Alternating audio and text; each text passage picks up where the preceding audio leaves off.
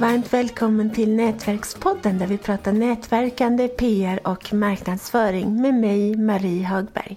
Och dagens gäst, hon blev känd som föreläsare redan på 90-talet. Med sina färgstarka föreläsningar som berörde blev hon en pionjär inom föreläsarkretsar med att använda sig av storytelling som verktyg.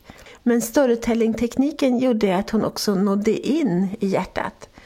Idag föreläser hon, men hon hjälper också företag att använda storytelling som en metod att stärka varumärken så att man får en emotionell koppling till sina kunder eller publik eller mottagare. Varmt välkommen Susanne Fredriksson! Tack så jättemycket Marie! Vad roligt att vara här! Vad roligt mm. att ha dig här. Det ska bli spännande att höra vad du har att säga. Ja du, vi får väl se. Mm. det blir det säkert. Men första frågan då, vad är storytelling? Det är ju egentligen att man skapar en historia kring eh, kanske ett varumärke eller ett personligt varumärke som, som eh, ger lite eh, dimensioner som engagerar och som skapar emotionella kopplingar till eh, mottagaren på ett annat sätt än om man bara har en rationell text och faktaförmedling. Det, det var någon som sa till, för jag håller på med då PR i vanliga fall. Det här är helt otroligt men jag har faktiskt både min morfar och min mor, mormors eh, storebror, båda dem, det är bilder av båda dem på varsin tunnelbanestation i Stockholm. Ena i Råsunda och den andra i Sundbyberg. Och, eh, på, på bilden på min morfar, då är det faktiskt att han är med i en artikel, jag tror redan 1929 eller 1925 eller något sånt där. Mm. Och då var det någon som tyckte att ja, men det borde jag ta upp i min storytelling, att det var liksom morfar som sådde fröet eller någonting sånt där. Ja, men det är ju det är en fantastisk, eh, ett fantastiskt exempel på det, hur, hur det blir levande då på något vis också historien bakåt. Att man kan koppla kanske dit eh, eh, vad ska man säga, entreprenörsanda så kanske du har det här där din morfar som nu sitter i tunnelbanan. Jag menar jag tycker det är jättespännande. Det är bra exempel på vilket levande material det blir när man väver in storytelling i, i uh, olika sammanhang. Mm. Ja, och jag, det var bara här, om, bara veckan som det slog mig att det är ju rätt ovanligt att ha någon släkting överhuvudtaget i tunnelbanan. Och jag har två. Ja, ja, ja men du är ju unik alltså. Det vet vi ju. nej. Nej, nej, nej, nej, nej. Men hur som helst, hur kom du in på storytelling? Alltså, då när jag började föreläsa så byggde det ju på min egen story som handlade väldigt mycket om hur jag kom ur ett misshandelsförhållande. Mm. Kanske nu i, i, samband med det här med Josefin Nilssons eh, omdebatterade film så är det ju högaktuellt den, den saken också. Och då, då ja, berättade jag ju det här och så blev det så att det här vävdes in med andra saker så att allting som jag berättade om, sen satte man in det, saker i olika sammanhang, man jobbade med andra frågor.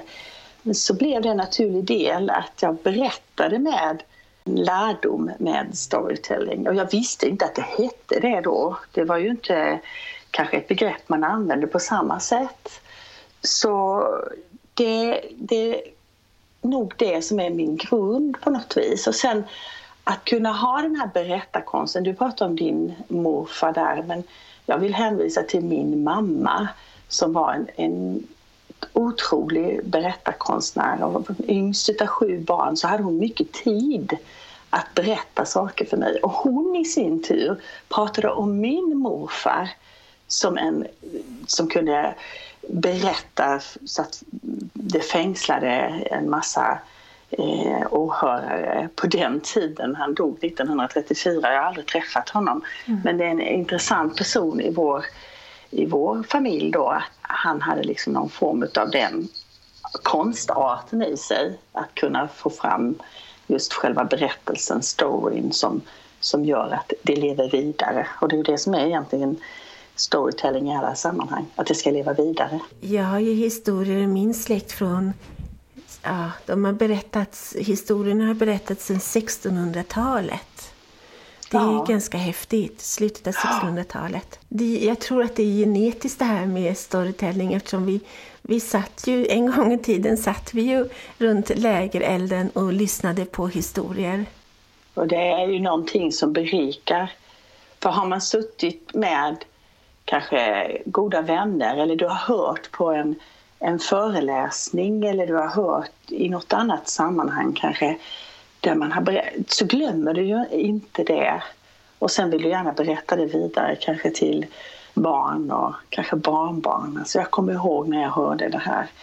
Det är liksom så grundläggande hos oss på något vis. Att det är ju inget nytt storytelling, det är bara det att nu pratar vi mycket mer om det i, i rent affärsmässiga sammanhang och så. Ja, mm. så apropå det då, vilken nytta har företag av att använda sig av storytelling som metod? Jag tror att det är ju då man skapar emotionella band till sina kunder. Vi har ju många exempel på det. Ikea är ju ett sånt där man brukar ta upp, alltså Ingvar Kamprad. Men eh, Apple är ju också ett sånt där där man på något vis skapar banden till, till sin, eh, sin kundkrets för att det finns liksom en annan koppling då. Eh, och, och då är det ju så att då börjar ju kunderna se att det här bakom den här eh, businessen så finns det en personlighet. Det är ett av eh, eh, orsakerna tycker jag. Man börjar känna liksom att det finns en personlig koppling. Och när man har kommit så långt så blir det också att man kanske ser vilka medarbetarna är och vilka medarbetarkultur som växt fram och som gör att företaget får en liksom viss profil och så. Och sen, eh, ja, det tror jag är de två viktigaste eh, orsakerna till att man ska använda sig av den metoden. Ja, supersmart. Jag ska börja utnyttja morfar. Ja, det har du. Och ja, han, han blir nog glad där om man skulle se det. Ja, du absolut. Inom vilka områden är det relevant att använda storytelling? Du har ju visserligen varit inne lite på det, men om du vill berätta lite till? Alltså, ibland kan man ju tänka så här att någon startar kanske något företag som man kan tänka, ja men eh, det här är ju bara en torr eh, bokföringsbyrå kan vi säga, kanske lite torrt och lite så, det kanske men där bakom varje sånt företag eller så, eller jag kan säga när jag startade mitt städbolag, alltså jag menar det är inte så hypat för massor med år sedan men det finns verkligen en story bakom det som är oerhört intressant egentligen. Varför man kommer på en affärsidé i en etablerad, eh, vad ska man säga, bransch så kommer man på en nisch och, och så leder det till olika saker så alla har ju en affärsidé som på något vis är unik. Sen är det att man kanske blir hemmablind och inte ser det. Och det är där det kommer in att man kanske ibland öppnar upp och låter någon annan lyssna och säga men det var ju superintressant.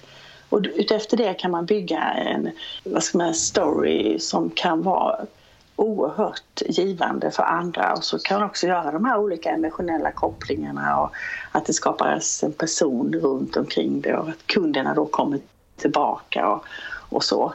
Så jag tror att man ska inte liksom tro att man måste vara ett hajpat ny vad ska man säga, visionär på något vis och vara en modern influencer eller vad vi nu kallar det.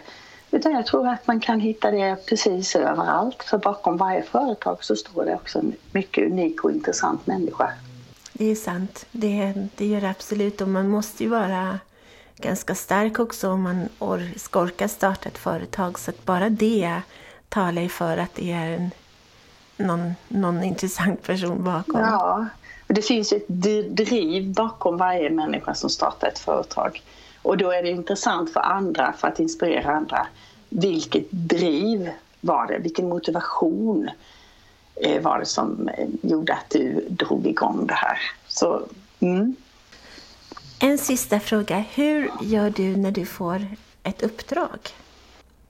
Det är lite beroende på vilken sorts uppdrag. För, för jag tänker mig så här att för min del så är det två delar av mitt sätt att jobba med storytelling och finnas till hand som coach kanske i de sammanhangen. Det ena är om man ska bygga ett nytt varumärke. Då är det ju att man verkligen tar, gör en oerhört grundläggande research på vad, vad det var som gjorde att man ville komma dit och skapa det här varumärket. Och gå till botten med alla vad ska man, beståndsdelar så man nästan ser liksom DNA så att säga eh, som ett embryo och sen bygger man vidare på det. Och det är ju en lång process där man också jobbar nära den som står för varumärkesbyggandet eller så. Det andra är att gå in och, och punkt hjälpa företag i sina presentationer, att väva in storytelling där. Man kan se ett oerhört behov utav det. Där många fastnar i att bara ha en rationell eh, informationsflöde i Powerpoint liksom, och låter det vara det som ska presentera deras företag.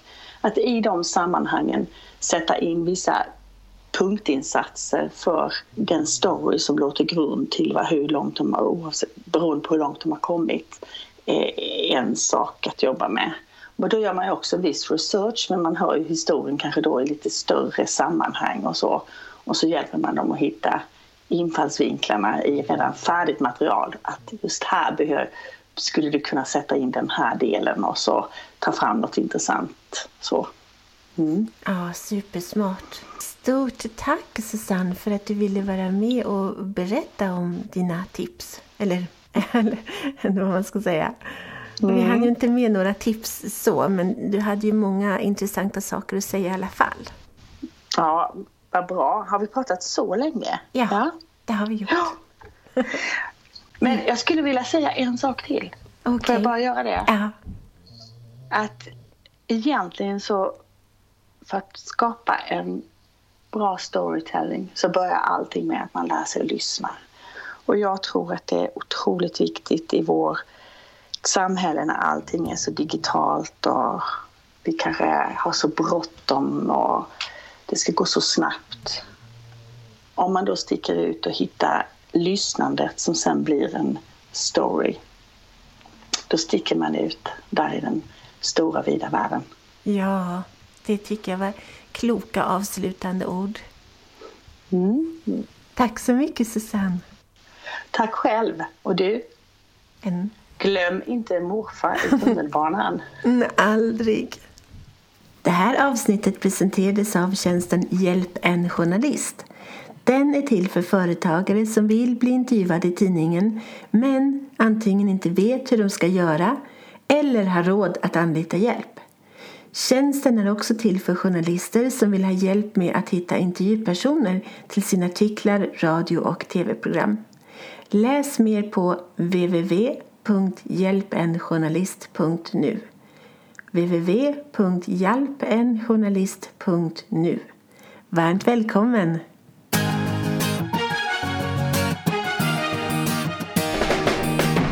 Tack för att du har lyssnat på Nätverkspodden om nätverkande, PR och marknadsföring med Nina Jansdotter och Marie Hagberg.